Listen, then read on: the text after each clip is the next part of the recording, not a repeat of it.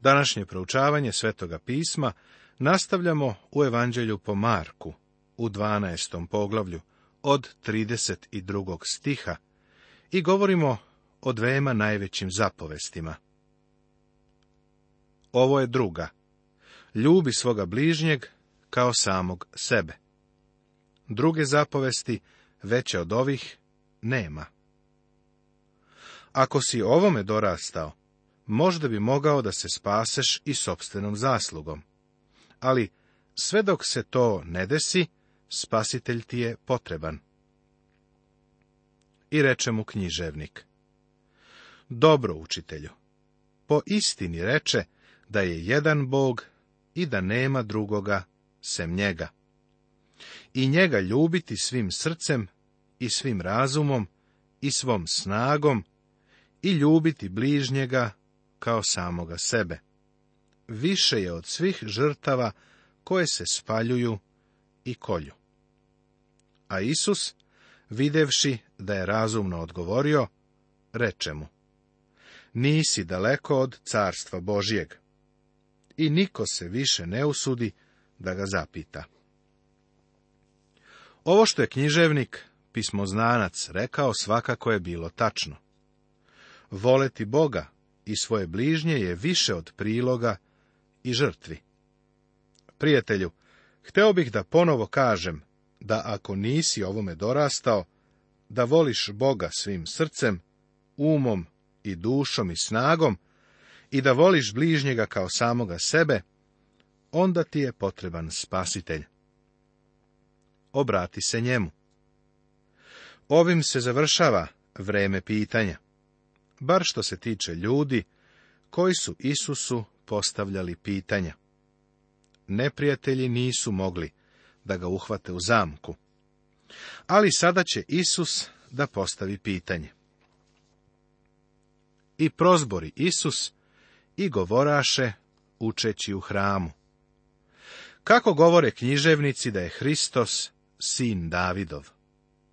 Sam David reče duhom svetim, Reče gospod, gospodu mome, sedi meni s desne strane, dok položim neprijatelje tvoje kao podnožje tvojih nogu. Sam David naziva ga gospodom, a otkuda mu je onda sin? I mnogi narod slušaše ga rado. Upravo ovde Isus poučava o svom devičanskom rođenju. Kako je mogao David, u psalmu 110. gde govori o svom budućem potomku, da svog čukun, čukun, čukun unuka nazove gospodom. Jedini način da ga nazove gospodom jeste da on stvarno jeste gospod, prijatelju. Jedino kako je mogao biti gospod, jeste da je više nego samo Davidov sin. Morao je biti devičanski rođeni Božiji sin. Ovde nas gospod poučava veliku lekciju. Zatim primeti da gospod definitivno psalam 110. pripisuje Davidu. Kaže da je David duhom svetim napisao taj psalam. A Isus kaže da taj psalam govori o njemu, o Mesiji i u svojoj nauci govoraše. Čuvajte se od književnika, koji rado idu u dugim haljinama i vole pozdrave na trgovima i prva mesta u sinagogama i pročelja na gozbama, koji jedu udovičke kuće i tobož se dugo mole, ovi će biti strože osuđeni. Isus govori da privilegija stvara odgovornost. On optužuje književnike, jer su se njihovi životi suprotili pismu koje su poučavali. Njihova osuda će biti mnogo ozbiljnija nego osuda nad onima koji nikada nisu čuli sveto pismo. Posljednji događaj u ovom poglavlju pokazuje kako Isus čini nešto vrlo smelo, što samo Bog treba da čini posmatrao je kako ljudi daju. I sede prema kovčegu za priloge, te gledaše kako narod meće novac u kovčeg, a mnogi bogati metahu mnogo. On i danas ima vlast da posmatra kako se daju prilozi u crkvi, ili kad god se traži prilog radi određene potrebe, odnosno za Božje delo. On je tamo da gleda, prijatelju. On ne posmatra šta daješ. On posmatra koliko zadržavaš za sebe. I dođe jedna siromašna udovica, pa ubaci dve lepte, odnosno kodrant. Primetio je da su bogati mnogo davali. Oni su baš bili veliki darodavci. O, kako samo volimo velike darodavce! Bogati da režljivo daju. Ali on nije to pohvalio. On je posmatrao onu udovicu koja je dala dve lepte. U poređenju sa bogatstvom toga hrama, prijatelju, ono što je ona dala uopšte nije bilo vredno. Ali znaš li šta je on učinio? Uzeo je te dve lepte i pretvorio ih u nebesko blago i zlato, učinio ih vrednijim od svega što bogataš ikada može da da. Znaš li zašto? Jer je video da ona za sebe nije ništa zadržala, nego je sve njemu dala. Njena ljubav i posvećenost bili su u tom daru. Kažem ti, ovako on meri. Neki ljudi pitaju da li Bogu treba da daju desetak. Prijatelju, koliko zadržavaš za sebe? Nije reč o tome koliko daješ njemu.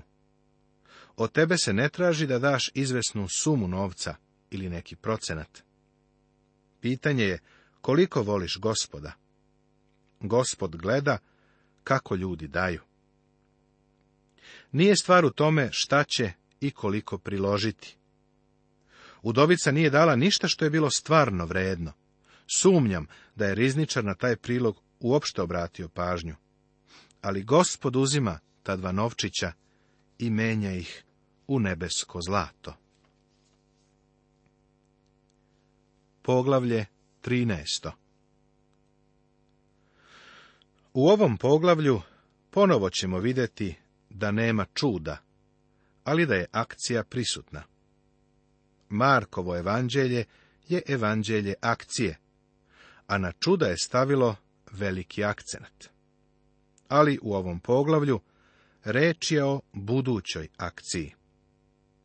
Akcija nije svedena na stanje mirovanja, ali pripada budućnosti. Ovo poglavlje beleži eshatološke događaje koji će okončati ovo doba navedeni su katastrofalni događaji velike nevolje.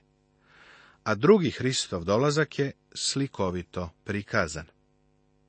Ovu akciju pokreće božanska sila, sila veća od atomske. Beseda na Maslinskoj gori koju imamo u ovom poglavlju je analogna onoj iz Matejevog evanđelja. Mnogo je sažetija nego u Mateju i u stvari predstavlja njeno skraćeno izdanje. Ovo se odnosi na Marka u celom njegovom evanđelju. Izuzev u nekim značajnim slučajevima kada on daje najduži izveštaj o događaju. Uopšteno gledajući, njegova politika je da treba skratiti sve i pružiti brzu akciju. Evo pregleda ovog poglavlja koji sam pripremio. Pitanja koja su učenici postavili Isusu na Maslinskoj gori. Sagledavanje ovog doba. Progonstvo pre velike nevolje. Proroštvo o velikoj nevolji. Objavljivanje drugog Hristovog dolaska. Parabola o smokvinom drvetu program za božji narod. Eto, to je ono što se nalazi pred nama u ovom poglavlju.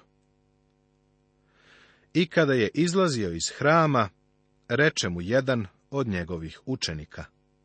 Učitelju, vidi, kakvo kamenje i kakve građevine. Mislim da ovdje imamo primjer kako jedan odeljak iz pisma može da se pogrešno protumači. Čovek prirodno postavlja pitanje. Šta se nalazi iza svega toga? Nemamo nikakvih indikacija o tome zašto su učenici ovako nešto izjavili. U stvari, moramo se vratiti na Matejevo evanđelje na 23. poglavlje, da bismo to otkrili. Isus je objavio nastupajuće opustošenje hrama. Učenici su zbunjeni, jer su raskoš i slava pratili hram i okolna zdanja. Želeli su da budu sigurni da je on to zapazio. Zato su mu kazali, učitelju, vidi kakvo je ovo kamenje i ove građevine a Isus mu reče. Vidiš li ove velike građevine? Neće se ostaviti ni kamen na kamenu, koji neće biti srušen. On im postavlja pitanje. Oni su želeli da Isus pogleda i vidi te zgrade, jer su hteli da budu sigurni da mu nisu promakle. Sada on njih pita, vidite li vi ove građevine. Isus nam ovdje daje veliku duhovnu pouku. U toku nekoliko posljednjih godina mog pastirstva u centru grada Los Angelesa u Sjedinjenim državama, neposredno uz crkvu izgrađena je zgrada sa 42 sprata. Preko puta u tom kvartu nalazi se jedna četrdeset ospratnica dve zgrade sa po 50 spratova, a dijagonalno od nas preko ulice se gradi zgrada od 60 spratova. Dolen iz ulicu planira se izgradnja najvećeg shopping centra u Americi.